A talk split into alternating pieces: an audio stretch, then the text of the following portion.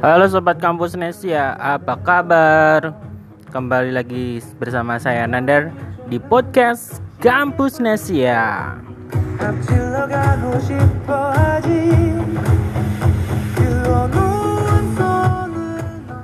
Oke, yang kalian dengerin tadi uh, adalah original soundtrack dari drama Korea yang judulnya Ita Itaewon Class dan soundtrack ini berjudul Start di dinyanyikan oleh Gaho.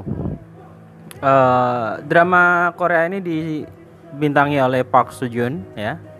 Dan tayang di satu tahun yang lalu tahun 2020 tahun 2020 uh, eh, kalau nggak salah sebelum pandemi ya. Nah apa hubungannya dengan tema podcast kita kali ini? Jadi saya ingin ngobrol saya ingin berbagi dan cerita aja tentang pengalaman uh, nekat buka warung setelah nonton drama Korea ini.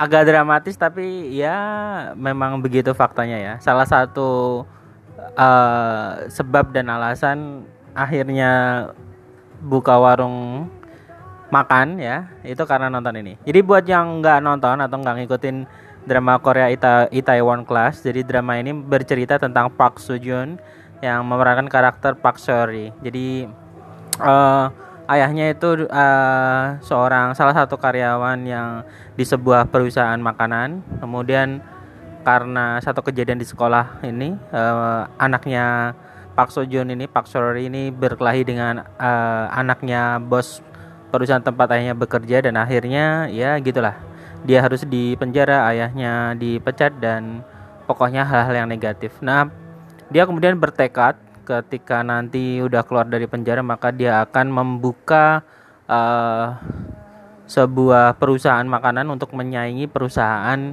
yang telah membuat hidupnya berantakan gitu.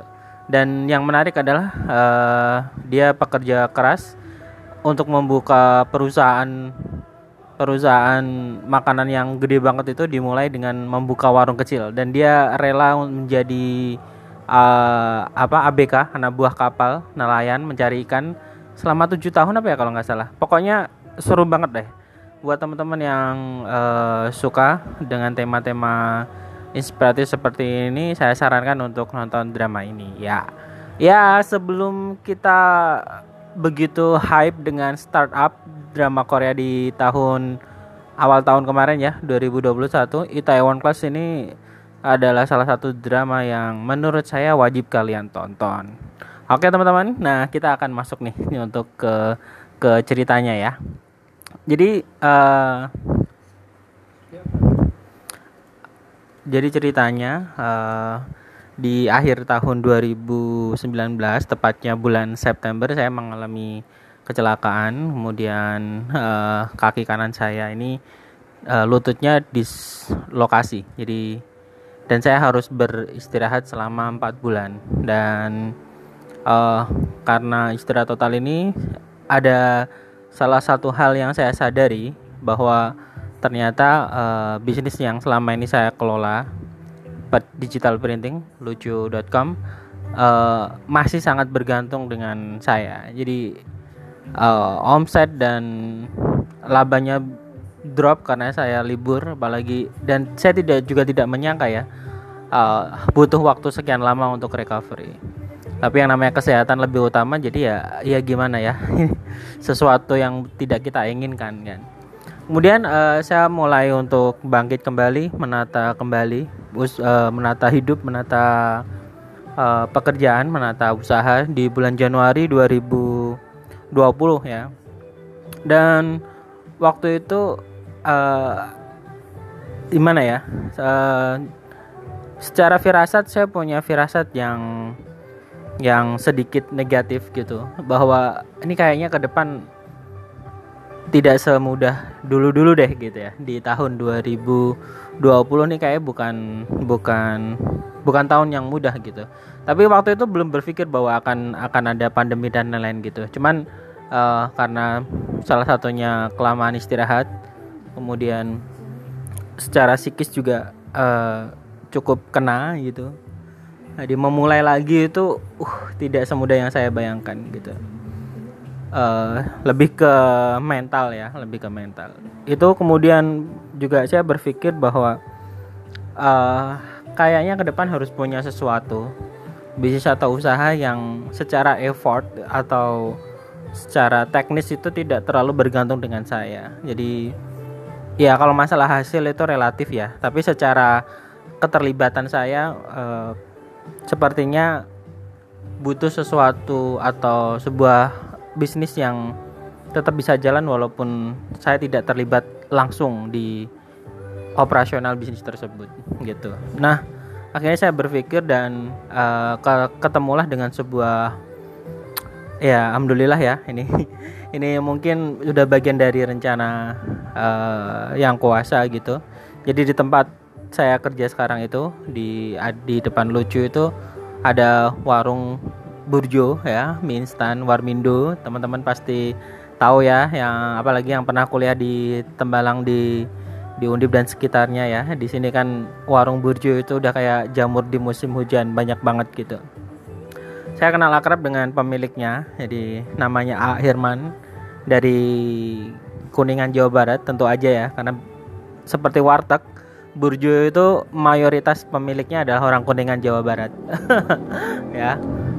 Nah, uh, sebelum kejadian saya kecelakaan, kemudian sebelum berpikir untuk uh, punya bisnis yang lain di di luar yang berkaitan dengan digital printing maupun percetakan, beliau itu sebenarnya udah sempat nawarin gitu. Uh, beliau cerita tentang peluang dan potensi uh, bisnis warung burjo dan mie instan Warmindo kemudian beliau menawarin kalau punya tabungan boleh dari join uh, bareng-bareng lah gitu. Sama-sama ngembangin ngembangin usaha gitu.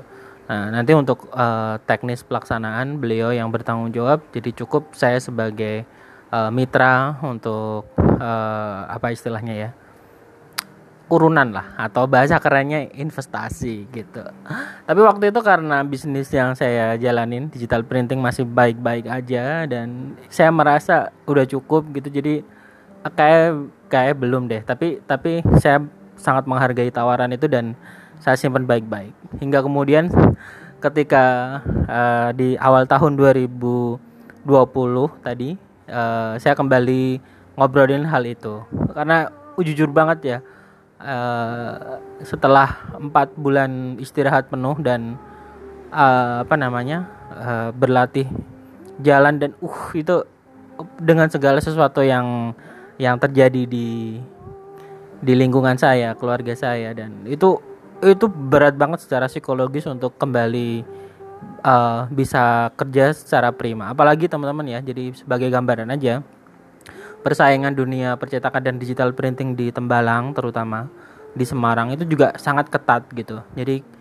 bayangin aja libur 4 bulan itu wah saya udah bisa membayang uh, bisa dibayangkan uh, lucu itu satu bulan itu bisa dapat 40 sampai 80 omsetnya ya dan itu sih mungkin bisa dicari lagi tapi uh, customer yang yang yang yang apa namanya yang udah jadi langganan dan segala macam itu kan jadi sulit untuk dipertahankan. Jadi harus mulai dari nol lagi gitu. Jadi itu luar biasa tantangan tantangan dan beban di yang saya rasakan itu luar biasa gitu.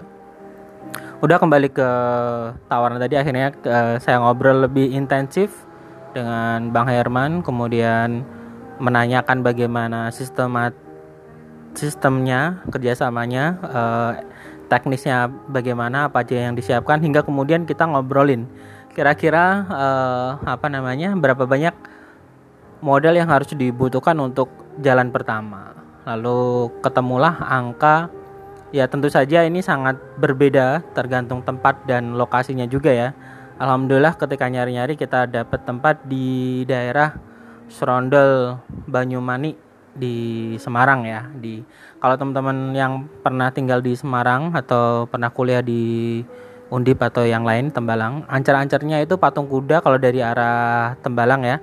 Patung kuda belok kiri patung di Ponorogo maksudnya belok kiri ke arah Banyumanik. Nanti uh, ada gerbang LPMP itu belok kanan. Jadi lokasinya itu di ruko PKL eh, kompleks PKL depannya Bank BCA Surondol Banyumanik di samping persis lapangan TNI. Jadi udah itu pokoknya LPMP mau ke arah UNES itu udah di situ deket itu. Ada di situ, alhamdulillah. Dan waktu itu uh, kita dapat uh, ruko kecil gitu. Uh, dulunya itu di buat jualan nasi padang kemudian kita sewa karena udah nggak dilanjutin lagi di harga sebelas setengah kalau nggak salah ya kemudian kita hitung untuk perabot kemudian untuk bahan baku untuk untuk uh, karyawan yang nungguin gitu semuanya itu butuh 26 butuh 26 kemudian ini kita bagi berdua uh, urunannya 50-50 dan saya sendiri yang 50% itu saya bagi dua lagi. Ya alhamdulillah ada temen yang uh, waktu itu uh, sangat luar biasa ya. Jadi beliau ini sangat support banget dengan dengan saya dan uh, pokoknya luar biasa lah. Semoga Allah memberikan balasan sebaik-baiknya buat beliau dan keluarga. Saya belum pernah ketemu orang yang sebaik beliau gitu. Semoga sehat selalu mbak uh, beliau itu support banget ya dan uh, 26 bagi dua kan 13 ya harusnya saya mengeluarkan uang 13 juta karena waktu itu eh, nggak uh, punya uang sebanyak itu juga akhirnya beliau membantu uh, separuhnya jadi 25% 25%. Jadi komposisi sahamnya itu 50% kemudian 25% 25%. Nah, yang menarik teman-teman gitu ya. Kita perencanaan dari Januari Februari uh, itu sebenarnya udah ada kabar ya corona di Wuhan itu udah, tapi kita nggak pernah menyangka kalau bakal nyampe Indonesia. Ya, karena kita termasuk yang optimis. Karena Indonesia tropis katanya nggak masuk ya. Kita suka makan nasi kucing katanya kebal dan lain-lain gitu. Wah absurd banget ya. Ya dan kita itu saya masih ingat uh, hari pertama pemberlakuan PSBB itu adalah hari di mana kita belanja barang-barang dan bahan baku di pasar. Pasar bulu kalau eh bukan ya. Pasar di di di tengah apa ya namanya ya? Pasar apa ya? Di tengah kota Semarang. Di di dekatnya Tugu Muda. Iya Tugu Muda. Jadi wah itu konyol banget itu. Dan kita juga waktu itu masih optimis aja, uh, tidak berpikir bahwa akan sangat berdampak pada UMKM ya, terutama usaha kecil yang warung dan segala macam. Kita optimis aja waktu itu ya. Ada. Kemudian kita jalan dan yang terjadi adalah seperti kita tahu sendiri teman-teman ya. Uh, corona dan pandemi, kemudian PSBB dan segala macam itu sangat berdampak kepada UMKM. Berbeda dengan krisis-krisis ekonomi sebelumnya, katakanlah 2008 ya atau sebelumnya ketika dunia itu kolaps karena resesi ekonomi.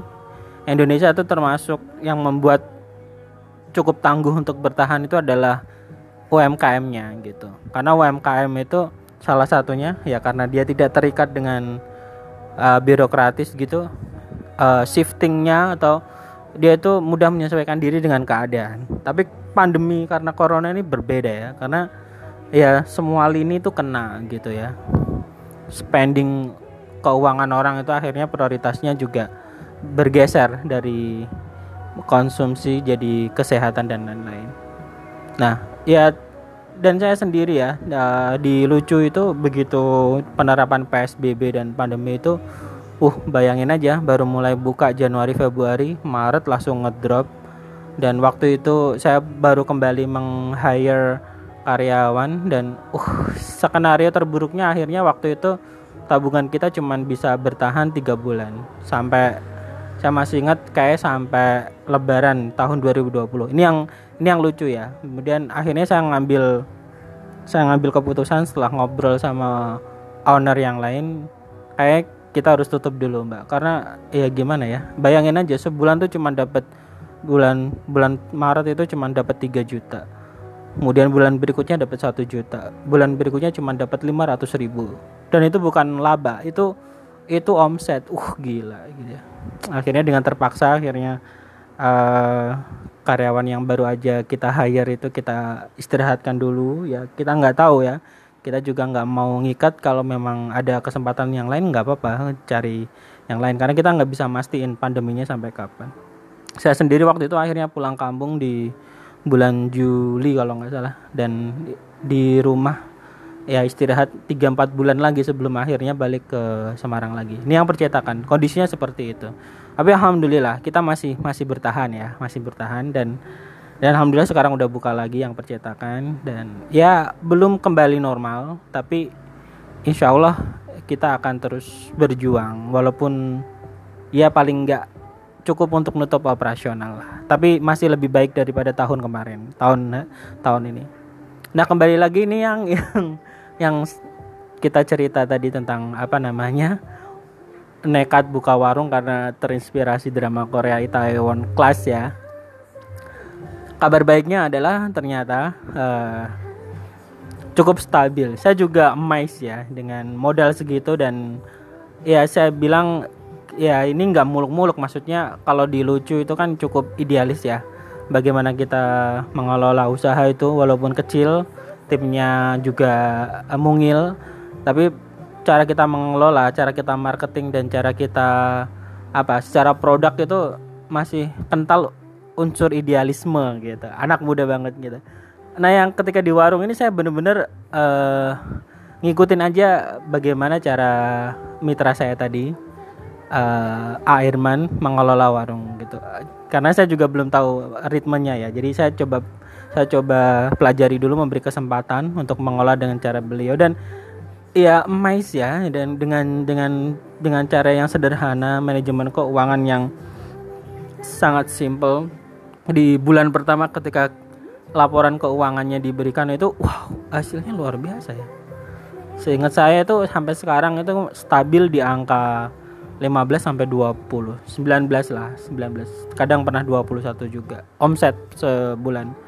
Dan marginnya itu juga lumayan ya lumayan lumayan. Kemudian biasa dikurangin untuk karyawan untuk operasional kemudian kita bagi hasil dan ya dengan dengan uang yang kita kita urun di awal tadi investasi di awal tadi katakanlah saya yang 25% itu cuman enam setengah juta berarti ya bukan tujuh setengah ya enam setengah berarti enam setengah juta itu buat gambaran aja yang bisa saya dapat tiap bulan itu jauh lebih besar daripada bunga deposito di bank. Deposito di bank itu contoh misalkan BRI itu kan 6% ya. 6% itu setahun. Jadi kalau kita naruh uang 10 juta di deposito BRI, maka setelah 12 bulan maka uang kita akan kembali jadi 10 juta 600. Berarti nambahnya itu cuma 600 itu gitu. Nah, sebagai gambaran uh, dengan besaran investasi yang saya berikan tadi gitu. Tiap bulan itu bisa dapat dua kali lipat dari deposito setahun itu. Kebayang ya kira-kira berapa nominalnya? Ya ya apa namanya? Mungkin untuk teman-teman yang hari ini pegang uang gede terbiasa pegang uang gede, gajinya mungkin dua digit atau mungkin usahanya lebih keren dari saya uang uang segitu mungkin kecil banget tapi bagi saya karena kan setiap orang nih punya preferensi dan perbandingan masing-masing ya. Jadi ya ya nggak nggak masalah gitu ya. Tapi bagi saya ini sangat saya syukuri. Untuk mendapatkan segitu gitu ya itu setara dengan gaji uh, karyawan part time di lucu selama sebulan gitu ya. Jam kerjanya biasanya uh, 4 sampai 5 jam sehari, seminggunya 5 5 hari kerja. Dan itu bisa saya dapat dengan effort yang minimal. Itu aja udah alhamdulillah ya gitu. Prinsip investasi kan itu gitu. Nah, itu sebagai gambaran. Dan apa namanya? Alhamdulillah setelah satu tahun kemudian Nah ini sistemnya juga menarik ya. Jadi sejak bulan pertama ketika ada hasil itu kita memang langsung bagi. Nah bagaimana untuk kelanjutannya?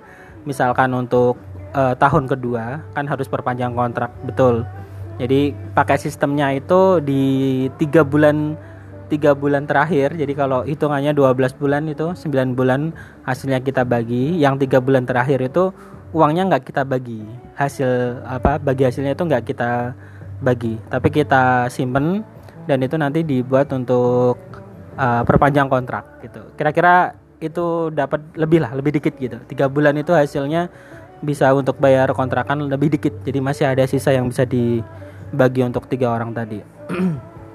Jadi jawabannya kalau judulnya podcast ini adalah uh, apa ya biar dramatis ya.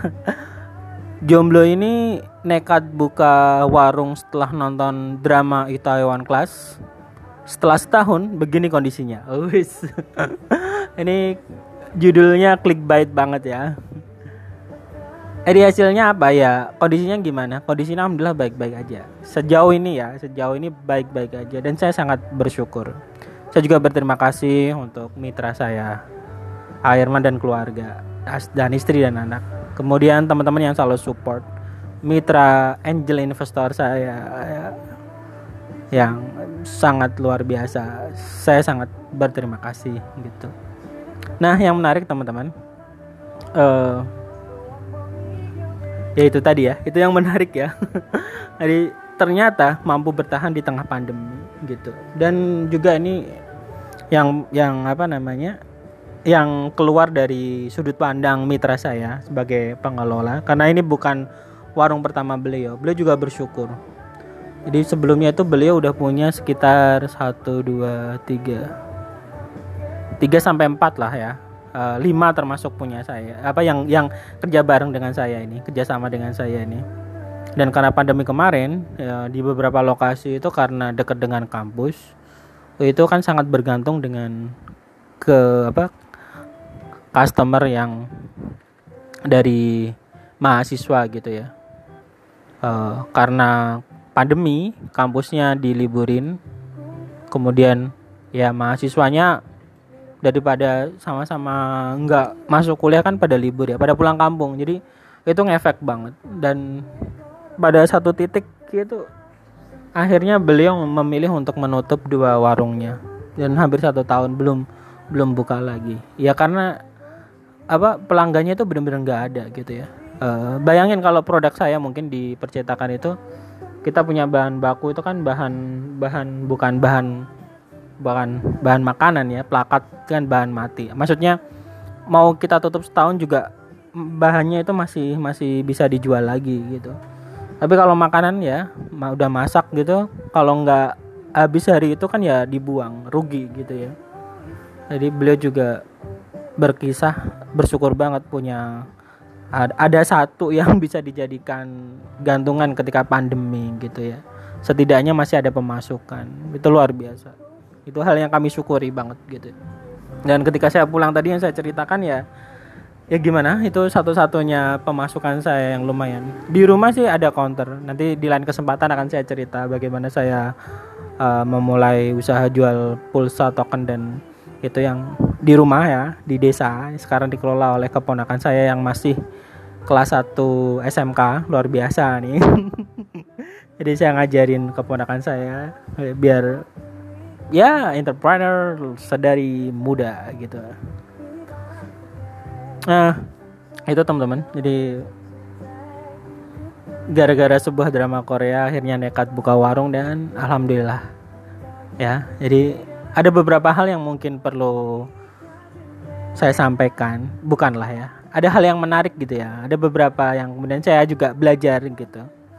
Uh, yang pertama adalah uh, kadangkala kita sebagai uh, sokalot apa seseorang yang terpapar banyak informasi mahasiswa uh, intelektual gitu kadang berpikir bahwa bisnis itu ya harus yang daki-daki kalau orang Jawa bilang. Startup lah teknologi lah fancy lah gaul lah uh, pokoknya yang keren-keren lah ya. Kayak sekarang yang trennya lagi kopi-kopian itu atau boba-bobaan itu gitu ya ya itu nggak apa-apa itu bagus juga. Tapi setelah saya jalanin gitu saya juga menemukan kesimpulan lain yang menarik gitu. Bahwa kadang bisnis-bisnis yang kita anggap sederhana sepele yang enggak enggak apa ya enggak keren untuk di posting di sosmed misalkan buat gaya-gayaan gitu ya apa enggak kurang prestisius. Tapi ternyata hasilnya yo lumayan. Dan menurut saya setelah sekian tahun menjalani dunia usaha gitu iya kayaknya kalau sekarang saya lebih milih yang kayak gitu sih. Yang simpel-simpel aja nggak perlu daki-daki tapi hasilnya nggak perlu banyak. Yang penting konsisten aja gitu ya konsisten. Yang kedua yang sangat saya pelajari yang kemudian saya sering juga diskusi dengan teman-teman yang lain adalah uh, pelajaran tentang kerjasama bermitra dengan orang lain menerima investasi memberi investasi sebagai investor itu saya sangat belajar sangat banyak gitu ya. Uh, sebenarnya ketika masa-masa jaya sebelum pandemi itu banyak yang kadang itu nawarin uh, pengen invest di usaha saya dan segala macam. Tapi saya termasuk orang yang yang apa ya yang pilih-pilih gitu. Jadi nggak nggak nggak terlalu kemudian terlalu open sama investasi terutama orang orang orang yang nggak terlalu kenal gitu ya. Karena uh, saya punya sebuah idealisme yang mungkin kata kalau orang bilang itu terlalu bermain aman. Tapi ya nggak apa-apa itu eh, tapi saya saya bersyukur karena karena sesuatu yang dibilang terlalu aman itu saya bisa bertahan sampai sekarang gitu. Jadi misalnya adalah uh, saya sangat rumit dalam ketika menentukan mitra untuk kerjasama usaha, menerima investasi, terutama tentang pemahaman. Nah ini mungkin yang bakal jadi perdebatan gitu ya. Saya maklum bahwa semua orang yang invest itu pasti uh, tidak menafikan tujuan untuk mendapatkan keuntungan. Itu pasti ya, dan itu sah-sah saja gitu ya. Tapi kalau prinsip saya, saya harus menemukan hal yang lebih dari sekedar orang yang pengen cari untung. Jadi kalau menurut saya uh, mindset menjadi investor itu yang pertama adalah ketika kita kita mau jadi investor itu idealnya uh, yang kita gunakan itu bukanlah uang yang yang sedang kita butuhkan apalagi uang dari pinjaman atau hutang gitu. Misalkan nih kita udah cukup dengan penghasilan kita untuk memenuhi kebutuhan sehari-hari keluarga dan lain-lain. Kemudian kita masih punya uang. Nah, prinsipnya investasi itu yang mesti dipahami ya oleh oleh para investor adalah adalah mengalirkan harta. Karena pada prinsipnya kan gini teman-teman ya. Kita sebagai seorang muslim misalkan saya saya seorang muslim itu kan kita punya punya apa namanya? punya kewajiban untuk uh, membayar zakat. Selain fitrah yang itu semua wajib ada juga zakat zakat mal gitu ya. Itu di bakal dihitung dengan nisab jadi harta yang mengendap selama setahun. Nanti ada perhitungannya sendiri dan berapa yang harusnya kita keluarkan. Kenapa? Ya satu untuk mensucikan harta kita. Yang kedua di, di dalam harta kita yang mengendap itu ada hak orang lain ya. Ada hak orang lain fakir miskin dan lain gitu. Makanya itu harusnya harta itu nggak boleh diendapkan tapi dialirkan gitu ya, biar manfaatnya itu lebih banyak gitu. Itu yang pertama. Kalau kita udah memahami itu kemudian kita mengalirkan. Jadi prinsipnya itu ya harusnya bukan semata-mata karena ingin mencari keuntungan. Makanya kadang kalau misalkan saya saya ditanya gitu mas uh, saya punya uang sekian saya lagi butuh uang sekian untuk bulan depan atau tahun depan gimana kalau saya invest? Kira-kira bisa dapat berapa wah kalau yang kayak gini saya sarankan enggak. Maksudnya yang enggak sama saya gitu ya. Kalau gitu mah mending di terlepas dari saya nggak menyarankan tapi masih terlepas dari uh, halal haramnya itu lebih aman kalau memang butuh. Ya di disimpan aja misalkan deposit atau emas lah gitu ya. Dengan harapan uh, setelah satu tahun misalkan atau periode tertentu itu uh, bakal naik hari, apa nominalnya tapi juga aman gitu. Kalau investasi itu ya yang ini yang kedua, prinsip yang kedua, setelah pertama kita memahami bahwa investasi itu tujuannya adalah mengalirkan harta yang mengendap. Karena itu ada hak orang lain. Yang kedua adalah yang namanya usaha itu kemungkinannya cuma dua.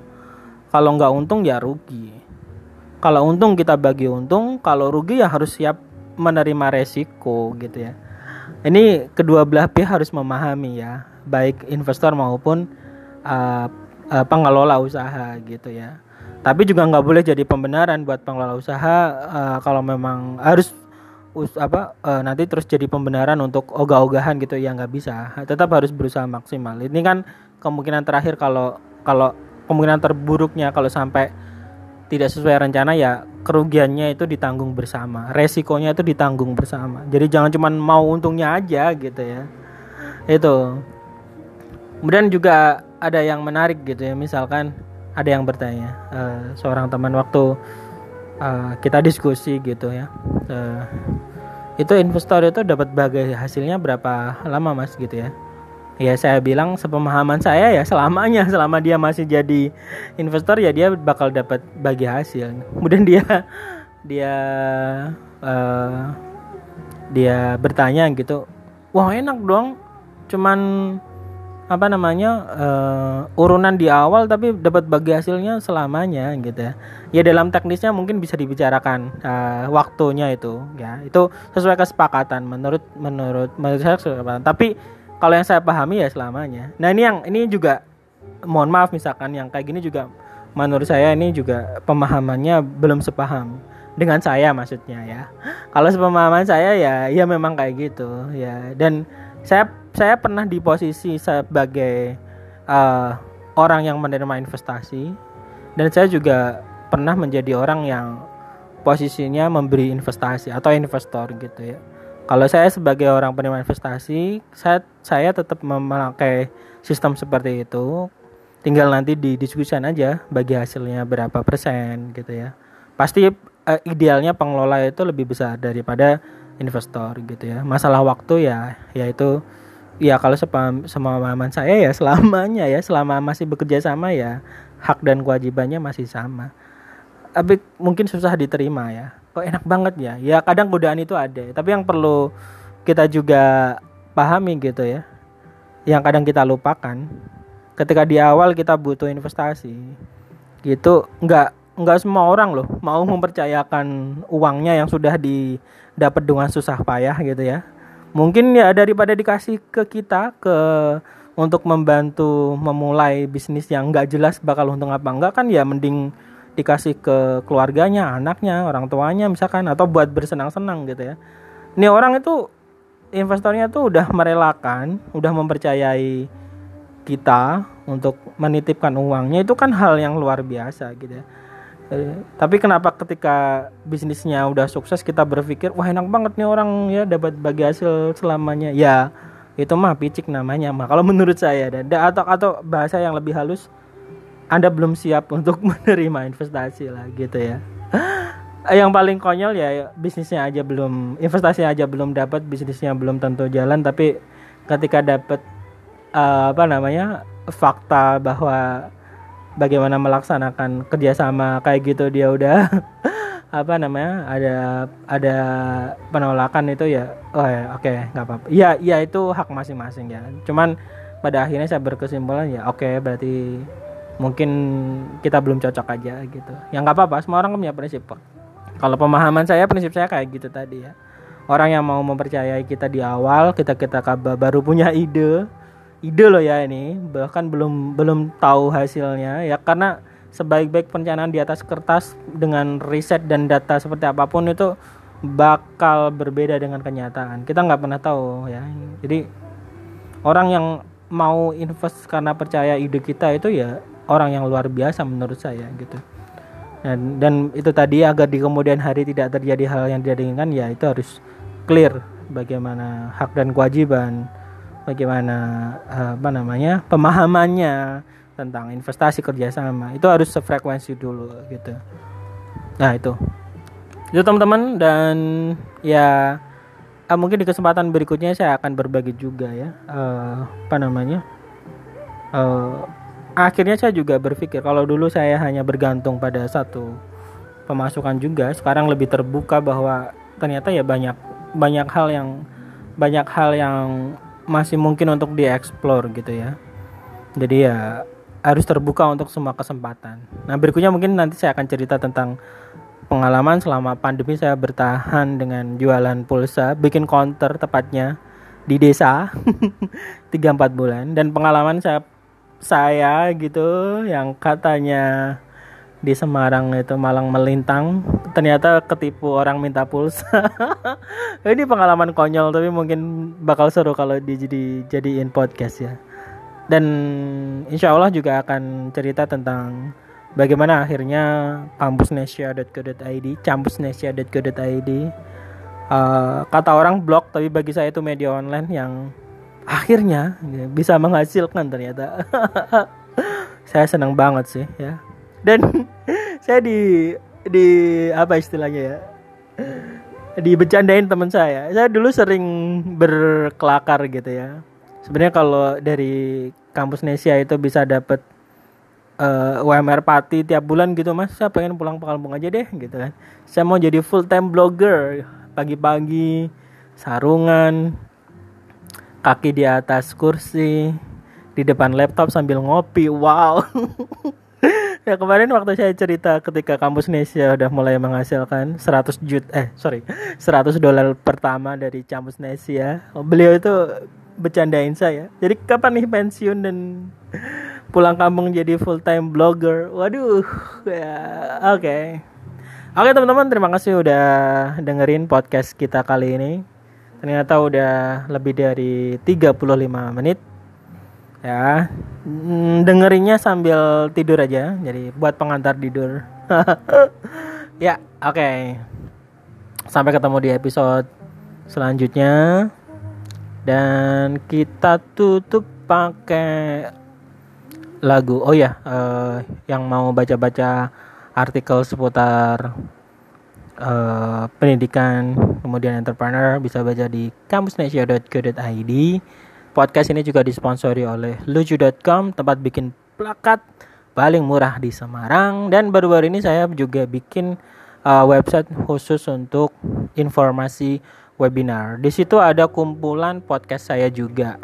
eh, teman-teman ketik aja di Google ya bit.ly slash webinar underscore hari underscore ini bit underscore ly slash webinar underscore hari hari underscore ini. Karena belum dibeliin domain ya. Oke okay, saya Nandar.